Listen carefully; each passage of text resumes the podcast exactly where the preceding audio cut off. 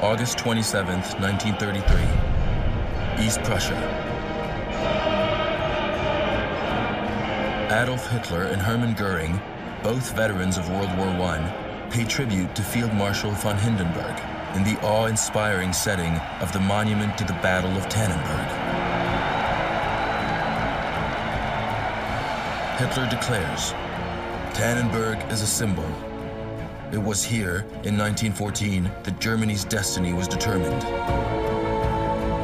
For Hindenburg, 20 years earlier, the Battle of Tannenberg had been the defining event of his life and of the First World War.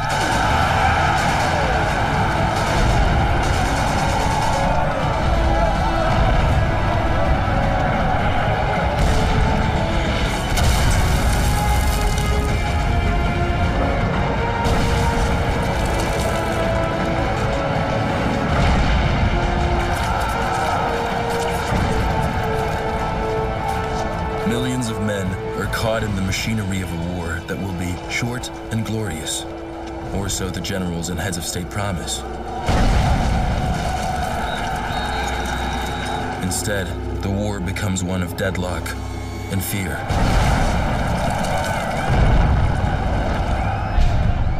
Fear on the home front. As the Germans advance on Paris, there's a run on the banks to empty personal accounts. Many flee, storming train stations. But the Ferrari family remains home in L'Étang-la-Ville, near Paris. The first images of daily life in the war's early weeks. The grandfather gives a military salute. He is confident in the French army.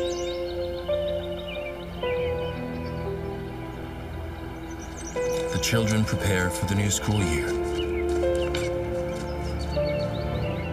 A directive from the French Ministry of Education, dated August 7, 1914, states, Lessons must cover the causes of the war, the unwarranted aggression that provoked it, and how France, eternal champion of progress and law, was forced to again rise up with its valiant allies to repel a barbarian attack.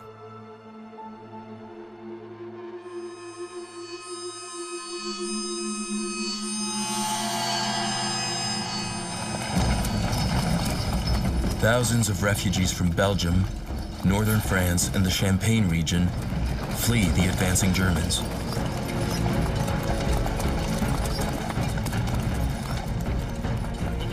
The war forces families from their homes, from their lives.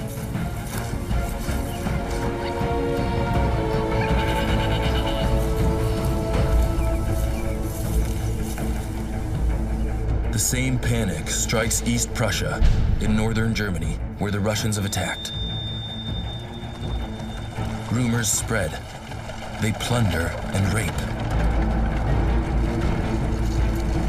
In movie theaters, German propaganda features a villain, the Russian rapist, in film after film, terrorizing audiences.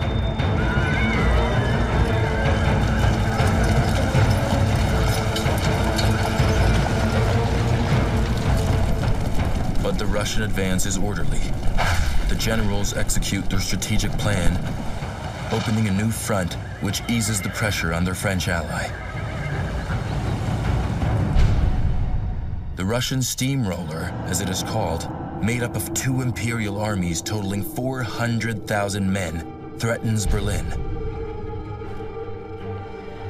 Russian soldiers, oppressed by Tsarism and religion, sing farewell to their country.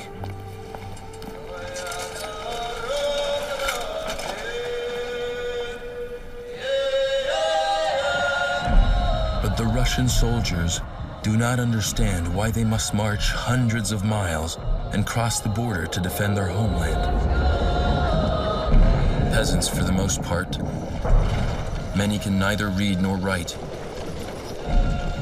and have left no journals or letters. In his novel August 1914, the famous Russian writer Solzhenitsyn describes the buoyant mood. The regiment is a sort of village, the officer a sort of squire, and so long as meals, mass, and vodka are offered, bullets hold no terror for them.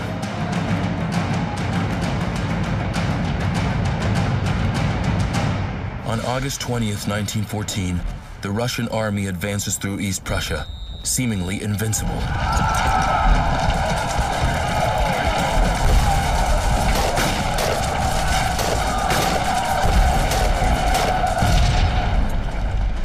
Along with thousands of civilians, the German 8th Army retreats. General von Hindenburg, 67, takes over command. To reassure the public, the general is filmed in conversation with Kaiser Wilhelm II. Hindenburg is seconded by General Ludendorff, 47, who has earned praise for the Belgian campaign.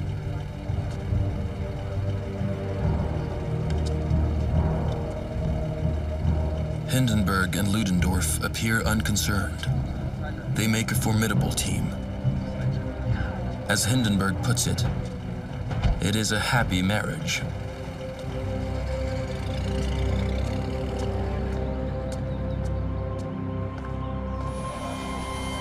Hindenburg and Ludendorff know they are outnumbered.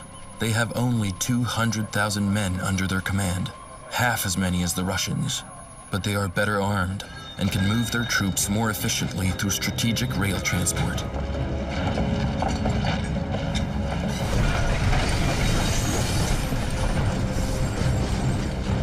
Morale among the troops is high. Many of them come from East Prussia. They are defending their homeland.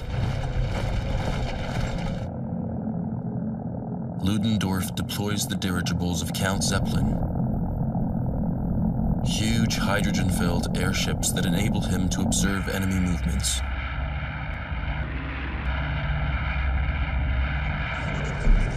The Germans are able to transmit vital information.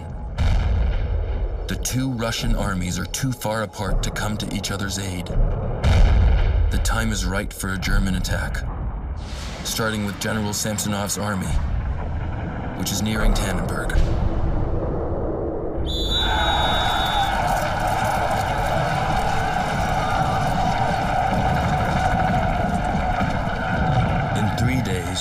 Germans take 90,000 prisoners.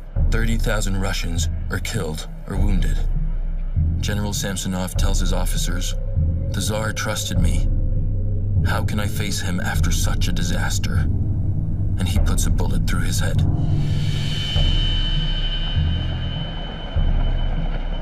The Second Russian Army is decimated in turn. The defeat is a terrible blow to Russia's French and British allies, who seek to cover it up. German refugees from East Prussia return to their villages, but rarely their homes.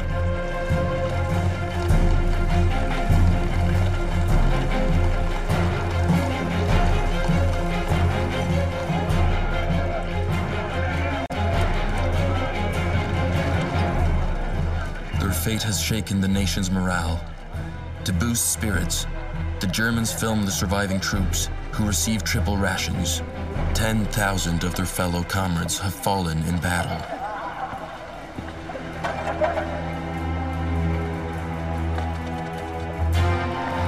Hindenburg is named Field Marshal.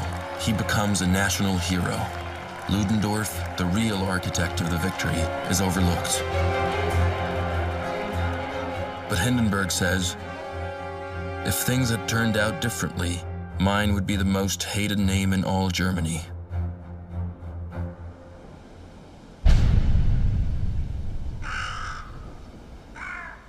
At Russian headquarters, Tsar Nicholas II, in his special train, sitting camouflaged in a birch forest, meets his uncle, the commander-in-chief of his armies, Grand Duke Nicholas.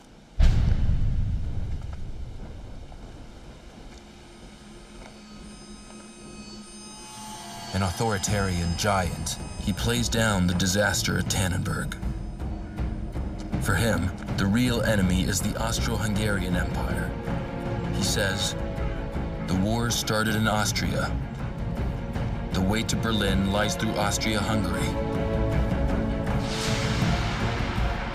The Russians are able to conquer Galicia, at the time an Austrian province, and its main city, Lemberg.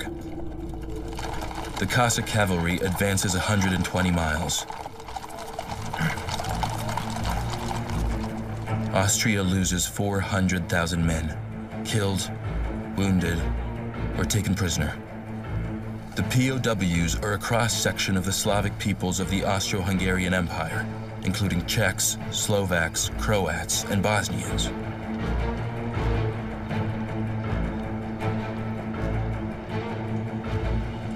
A Russian propaganda film shows an Austro-Hungarian prisoner fraternizing with a Russian soldier, two Slavs in opposing uniforms.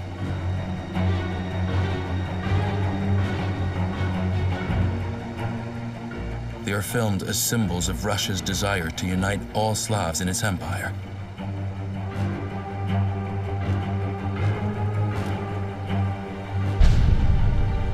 Nicholas II's smile of satisfaction after this initial victory against the Austrians masks the loss of 200,000 Russian soldiers in three weeks of war.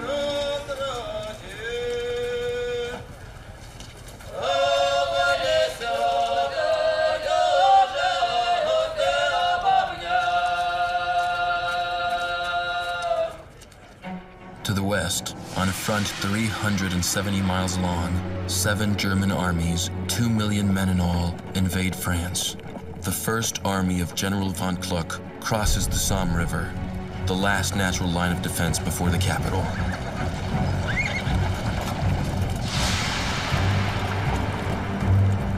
The German officers rally their troops, saying, Victory is close. The triumphant entry into Paris awaits you German infantrymen have marched 250 miles since the heavy fighting in Belgium of early August 1914.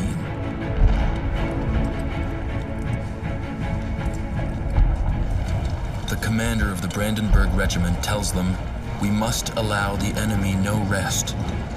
Sweat saves blood.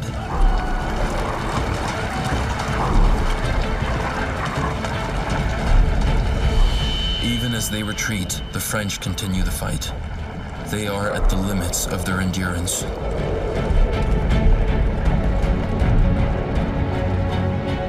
The heat is unbearable. It is the hottest summer of the century. Few men have washed or taken off their boots for a month.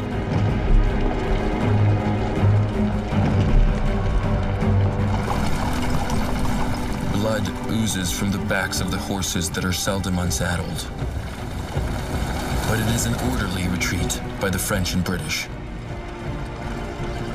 The 1st Battalion of the Gloucestershire Regiment, which arrived in France on August 13th, has marched 185 miles before assembling to hear the Commander-in-Chief of the British Expeditionary Force, Field Marshal Sir John French, tell them that the situation is grave. All of France says its prayers. Every side invokes God's name.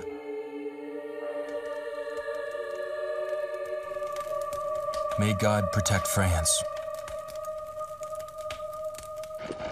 Will France's colonial troops save the country? Ever since they landed in the south of France, the African troops have been marching northward. Many prefer to go barefoot, rather than wear their heavy army boots. Before their arrival, a French senator says with concern, neither the climate nor the food of France is suited to them. A general reassures him they are disciplined, strong, and devoted to their leaders.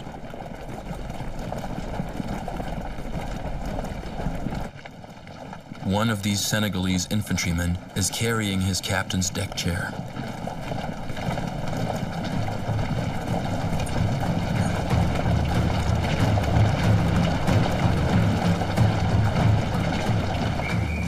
around Paris, the defense forces organize, using any and every means.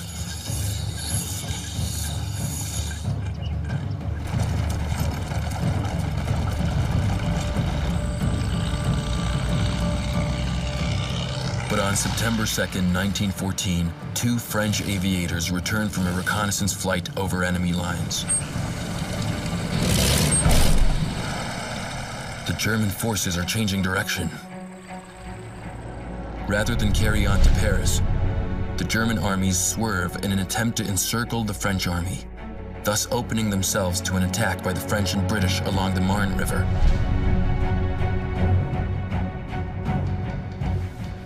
The commander of the forces defending Paris, General Gallieni, orders the swift transport of 6,000 men to the Marne in Parisian taxicabs.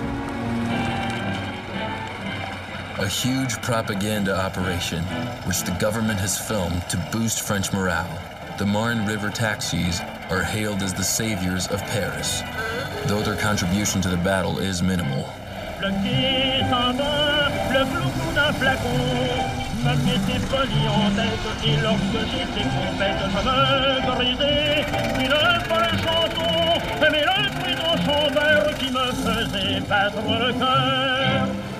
They carry only a fraction of the million Frenchmen preparing for battle.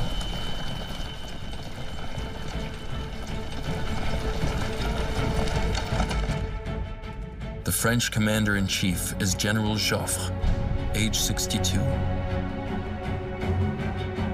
On September 6, 1914, he has his officers read the day's orders to his soldiers advancing to the front.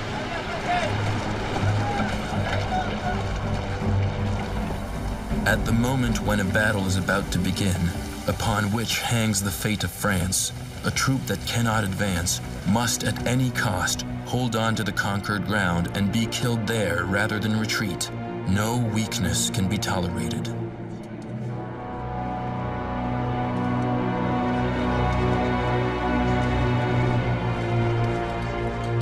The soldiers are afraid. They know that court martials await those who waver. If they retreat, they will be executed by their own. If they advance, they will be killed by the enemy. Among them is one of France's greatest poets, Charles Péguy. The 41 year old lieutenant is killed by a bullet to his forehead. A Christian socialist and patriot, he had written these verses Blessed are those who died in a just war. Blessed the ripe wheat, the wheat gathered in sheaves. Blessed are those who died in great battles, stretched out on the ground in the face of God.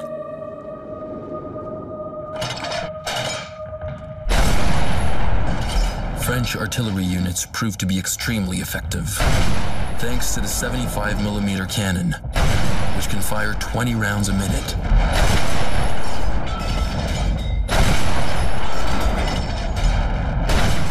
Consumes an astronomical number of shells, some 100,000 shells a day, 200 million shells for the entire war. They are manufactured by women who work in miserable conditions.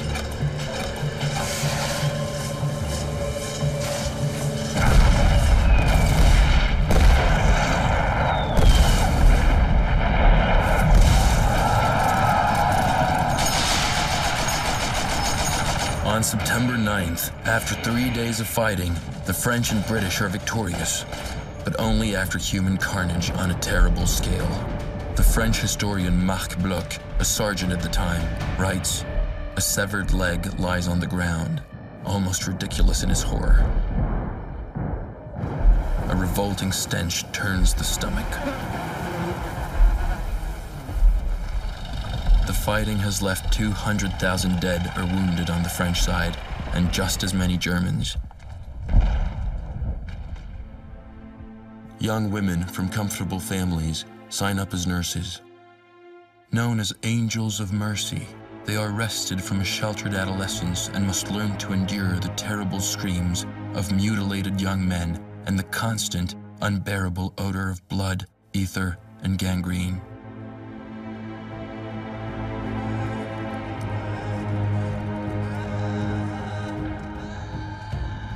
The unimaginable number of wounded and dead does not deter military and political leaders.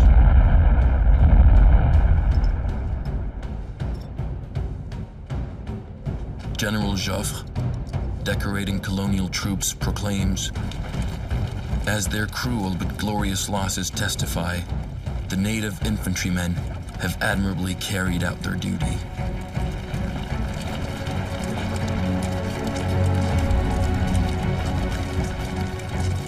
Curiously, patriotism among the troops also remains high. Despite the slaughter, they think the war will end soon. Private Pierre Branguier writes to his wife, I have not given up hope of returning this November. I cannot imagine that the nations involved can keep up their incredible effort much longer.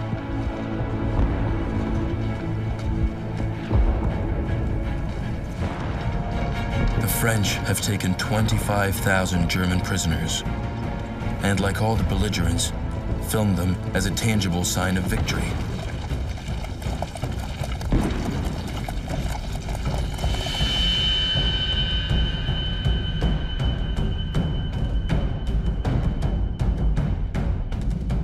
Troops view their captives with curiosity, mixed with hatred. Henri Despeyrières, a 21 year old soldier from the south of France, says, It's the first time I see them up close. My cartridges weigh heavy in my pockets. I long to plug a few Prussian bellies with them. Altogether, the POWs are treated rather well on both sides. The International Committee of the Red Cross creates the Prisoners of War Agency it will deliver 10 billion letters and parcels over the course of the conflict.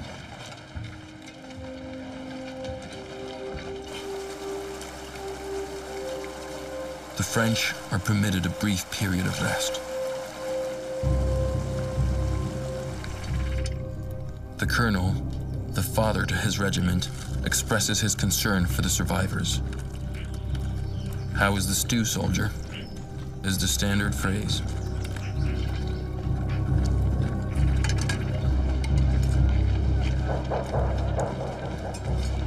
Have saved Paris. But a young cavalry officer, René Chambe, writes, The Battle of the Marne. We won the battle and lost the victory. The French and the British allow the Germans to flee towards the north of France in a series of outflanking maneuvers known as the Race to the Sea. During those three months of battle, other German units complete their conquest of Belgium.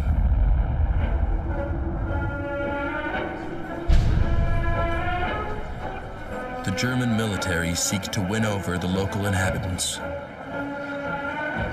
But the plundering and requisitions to feed the soldiers quickly spells starvation for Belgian citizens. Among these German soldiers is an obscure Austrian painter who has enlisted in the German army. Adolf Hitler, then 25 years old, will remain marked by the hell he experienced in Flanders. In his book Mein Kampf, Hitler writes, The pride of the fighting soon turned into nightmare.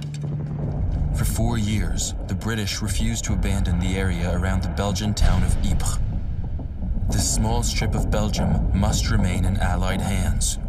That is the wish of the Belgian King Albert I, to whom King George V pays a visit of support.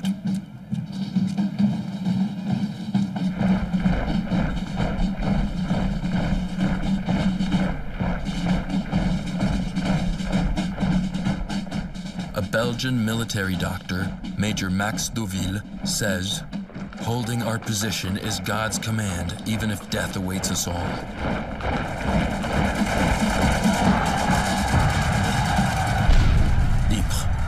Last British stronghold in the north. Ypres, which will become the tomb of thousands of Canadians in the Battle of Passchendaele.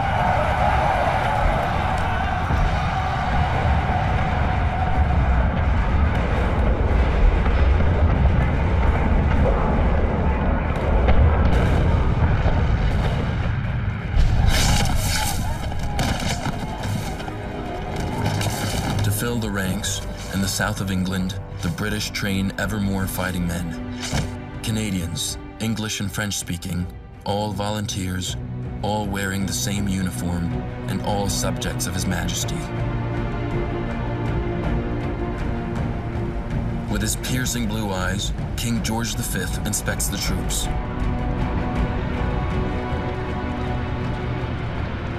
They are the same age as his oldest son, who is serving in the Royal Navy. This worries the King and Queen Mary, seen here smiling bravely for the occasion. After disembarking in the ports of France, the Canadians march to the front. Are they ready to wage war?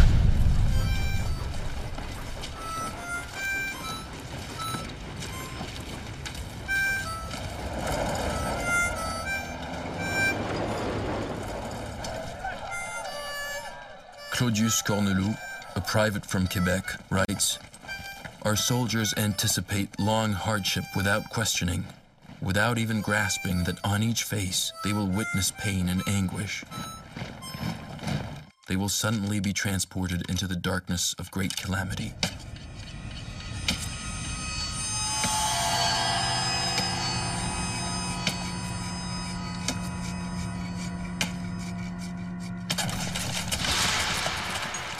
In October, the Germans, determined to hold on to the regions they have conquered, begin to dig, or force civilians to dig for them, a veritable network of fortifications in the oozing clay of Flanders.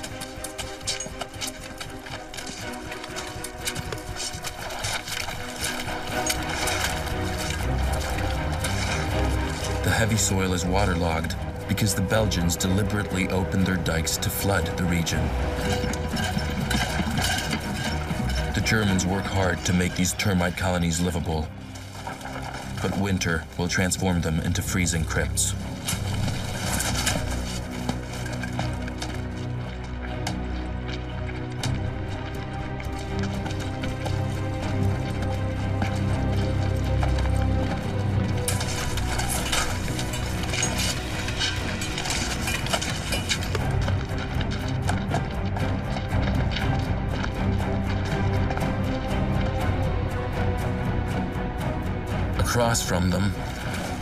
British dig in too. They prepare to hold the front in Flanders, which is now at a stalemate. A war of movement is replaced by a war of position.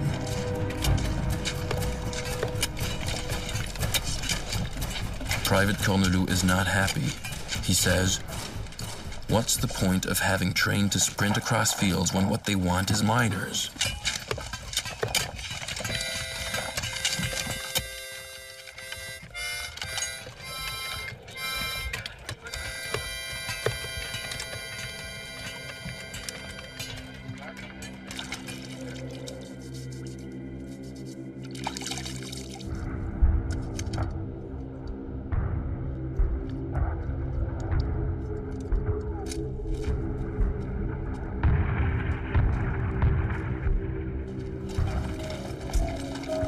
South, the French make do with more or less interconnected foxholes.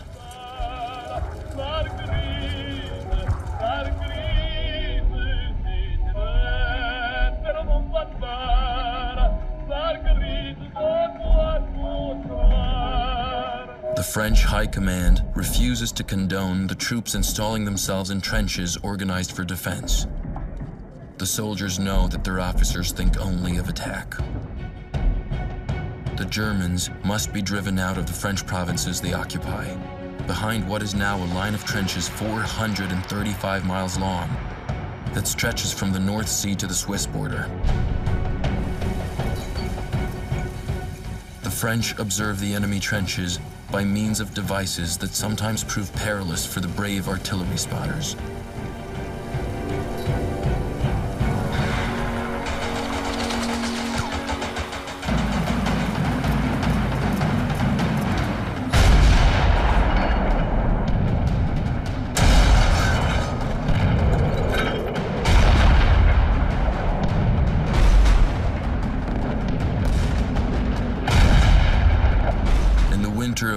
1914, General Joffre launches vast offensives that are stopped dead by German machine guns.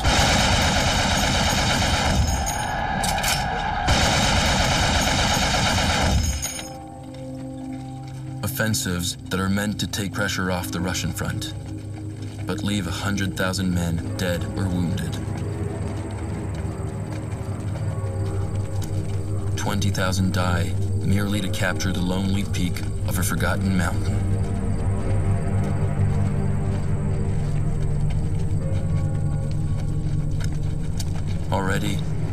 Are so many widows.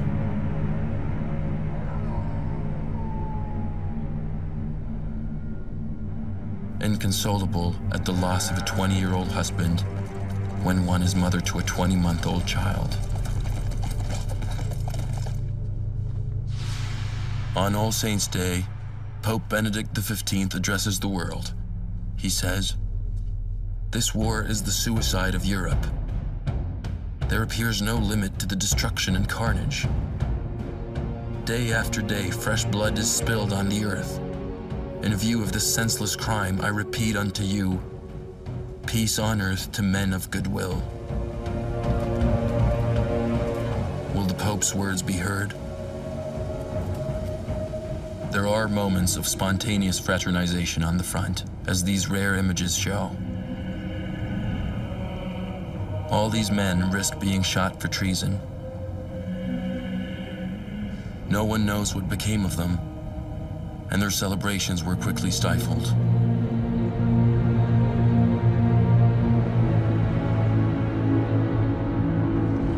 The generals remain deaf and blind. The military, already very powerful at the beginning of the war, is starting to dominate politics and politicians.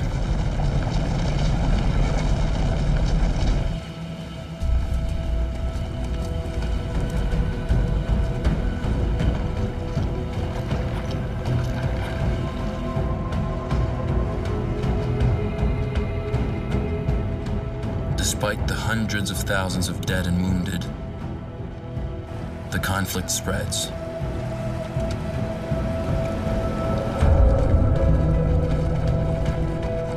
In Africa, the French, British, and Belgians attack the German colonies of Togo, Cameroon, Tanganyika, Rwanda, and Namibia.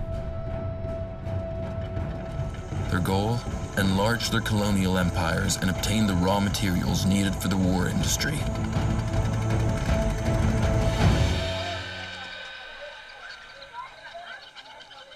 rare images of peoples that had largely been left to themselves and are now conscripted, sometimes under the lash, as here in the German colony of Zanzibar.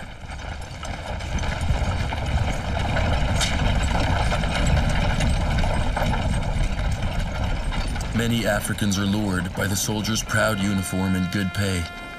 These troops will fight with loyalty and courage in the unspeakable conditions that all combatants face.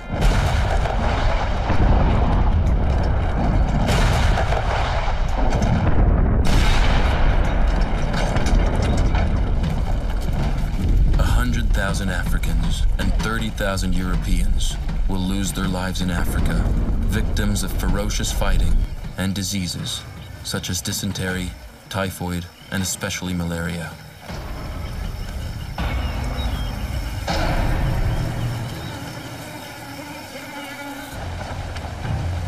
In Asia, to honor its treaty of alliance with Great Britain, Japan has fought the war against Germany from the beginning. The Japanese take the opportunity to help themselves to the German enclave in China, the port of Tsingtao, where there's a German brewery that produces a beer known to this day. Japan, on the rise economically and militarily, demonstrates its superiority by shelling for seven straight days the German defenses, which collapse.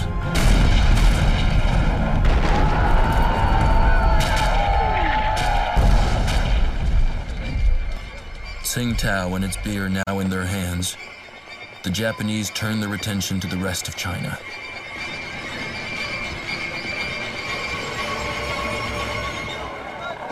While in Europe the fighting bogs down, the conflict spreads to the Middle East.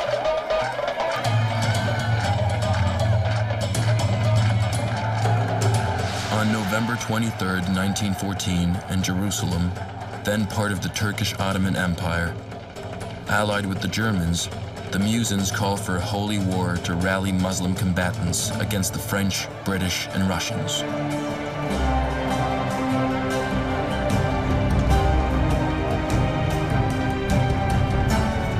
The Ottoman Empire occupies a strategic position.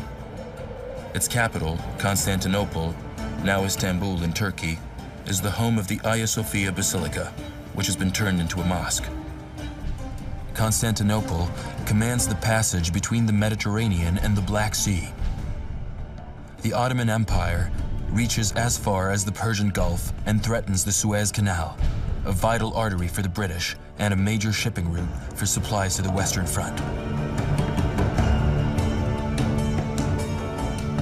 The Ottoman sovereign is Sultan Mehmed V, 72, here seen receiving the German monarch Kaiser Wilhelm II. Wilhelm II is worried about diplomatic maneuvering by the British, who tried to buy Turkey's allegiance, but the Germans outbid them.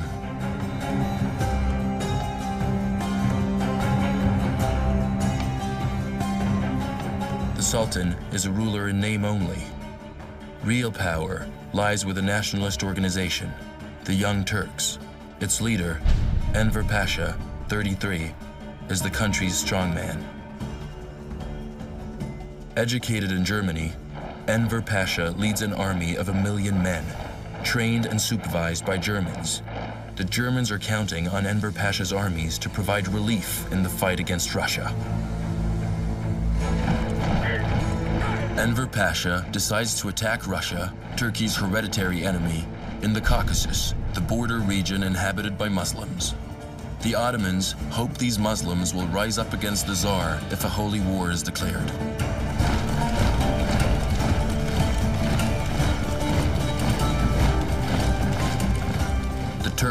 Fearsome warriors, have already fought the Russians, who hold the passes and who have deployed their troops in the mountains to draw the enemy toward the summits.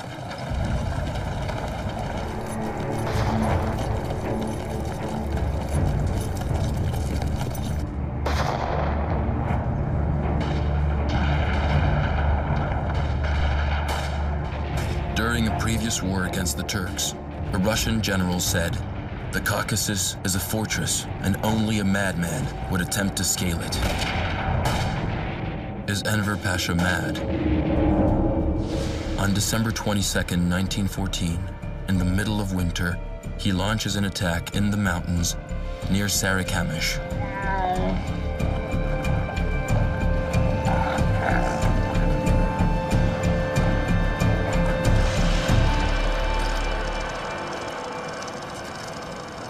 The attack fails. Defeated, the 70,000 soldiers of the Turkish Third Army die of the cold or are finished off as they retreat. Not a single Muslim, either in Russia or among its allies, rose up for the Holy War.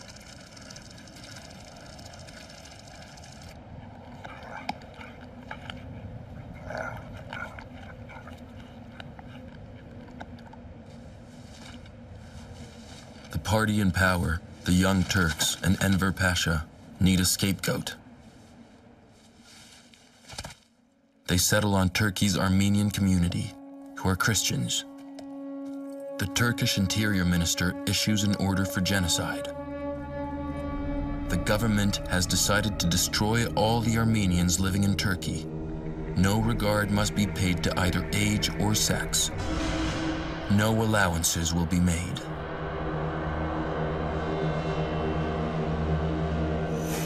Turks hang the intellectuals and community leaders and appropriate their possessions.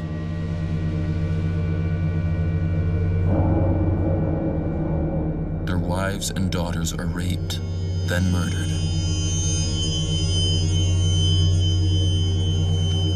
The Armenians who survived the first massacres are herded by the Turks to camps in the Syrian desert, hundreds of miles away.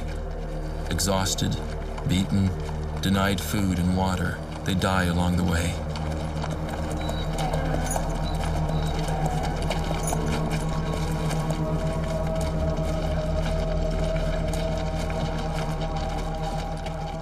Over a million Armenians are killed.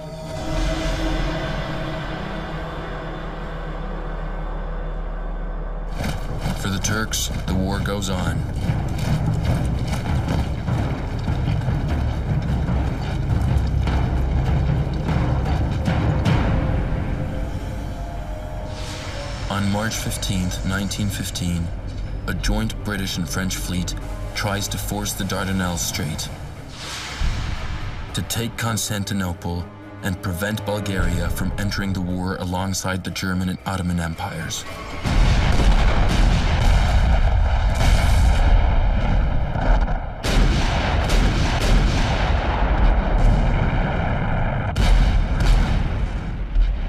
Turks have powerful cannons and underwater minefields. They sink three battleships and damage seven others.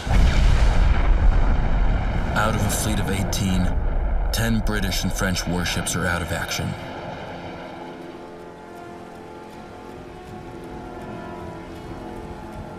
After the defeat, Winston Churchill, then First Lord of the Admiralty, and mastermind of the mission, is forced to step down. But those responsible for the disaster are the admirals and generals. In their continued contempt and underestimation of the Turks, one month later, they venture a landing on the coast of Turkey at Gallipoli to seize the enemy batteries.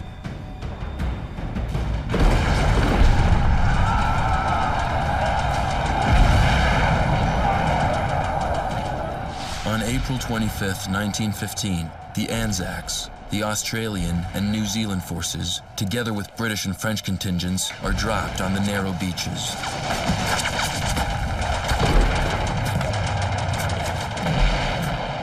From high on the steep slopes, the Turks fire on them with impunity.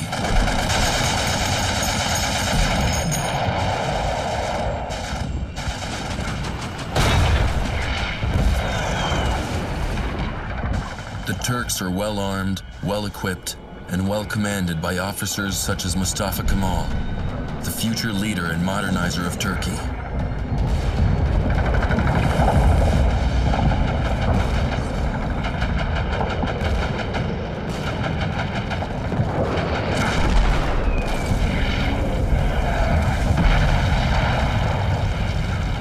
Pinned down, the Allied troops endure months of agony.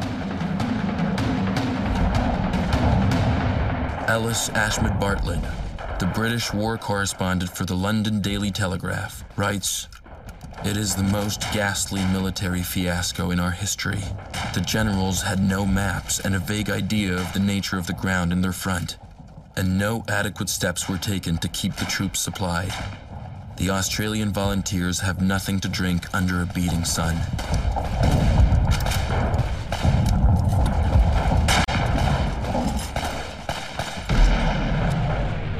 Three months later, using his own camera, Ashmead Bartlett films these same men, now starving and feverish. They know that 150,000 men have been killed or wounded here in vain. Bulgaria has swung over to the German side. The Dardanelles remain in Turkish hands.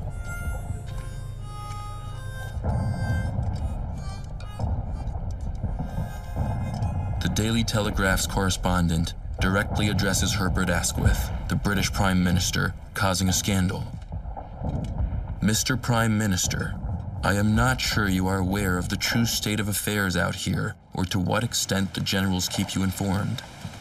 Here in Gallipoli, we are dissipating a large portion of the Empire's fortune and have not yet gained a single acre of ground of any strategic value. This futile expedition may ruin our prospects of wearing down Germany's colossal military power. Germany's power, embodied by the victor of East Prussia, Marshal von Hindenburg, nonetheless has its limits. The toll of German dead and wounded is turning public opinion against the war. In April, in The Hague in the Netherlands, which remains neutral, the Women's Congress for Peace demands an immediate end to hostilities. But just the opposite happens. The conflict expands again. Italy enters the war on May 23, 1915. A neutral power in the early months of the war, it was, nonetheless, allied with Germany. Britain and France promised to return to Italy the cities of Trento and Trieste, which are still in Austrian territory. Italy changes sides. A patriotic, anti-Austrian fervor sweeps Italy, fed by the grandiloquent verses of the nationalist poet Gabriele D'Annunzio. You are the raging sparks of the sacred blaze. May all voices be a single flaming cry. Italia, Italia.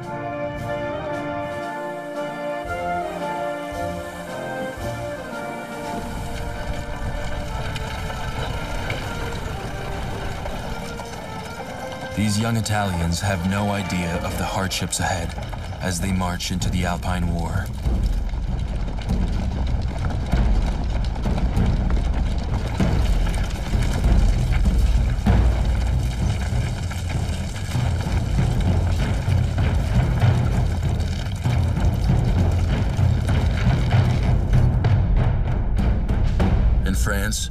Front is deadlocked in the trenches, though punctuated by attacks as deadly as they are futile.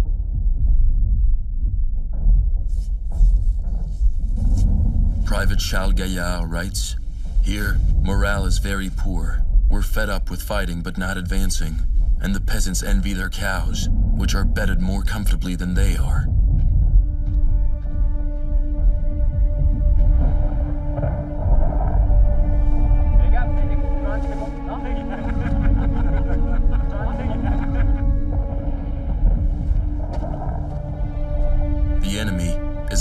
Side of a sea of barbed wire, which stretches to infinity.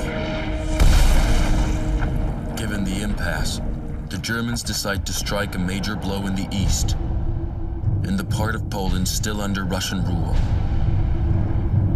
Certain of his success, the new German commander-in-chief, General von Falkenhayn, authorizes 33-year-old American journalist Wilbur Durborough and his crew to follow the German army for six months. They travel in an American luxury convertible, a Stutz, led by a German military guide.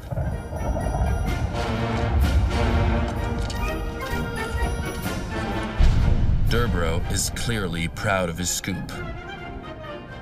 In the United States, which is still officially neutral, hostility toward Germany surges after a German submarine torpedoes and sinks the British liner SS Lusitania on May 7, 1915, killing 1,500, including 120 Americans.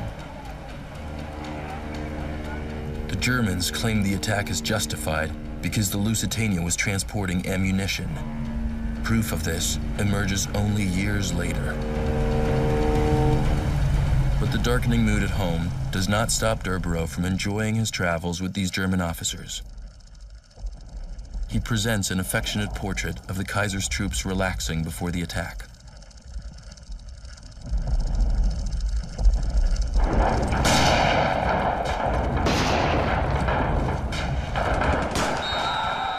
After the German victory in Poland, Durborough films thousands of Russian prisoners. And in this shot of a captured Russian field kitchen, he shows Germans who seem to like Russian food.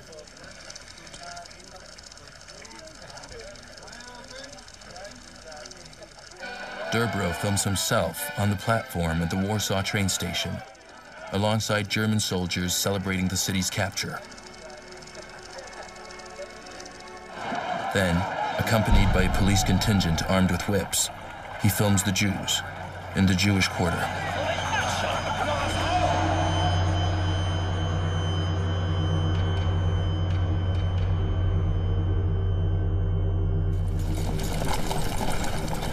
The German army's victory march into Warsaw on August 4th, 1915.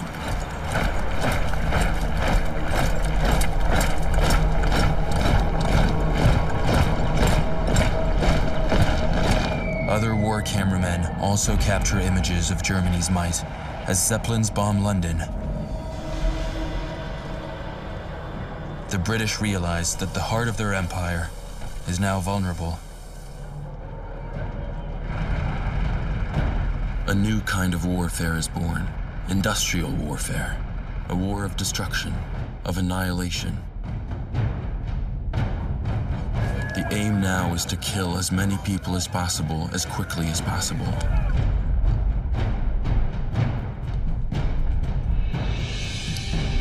Assembly lines turn out a flood of even deadlier inventions.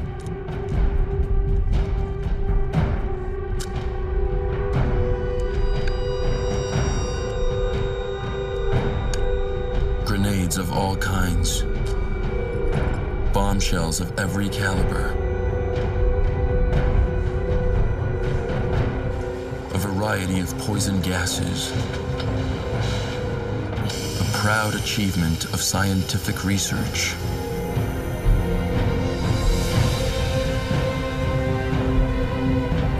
How will mankind endure this voyage to the heart of darkness, to the farthest reaches of hell?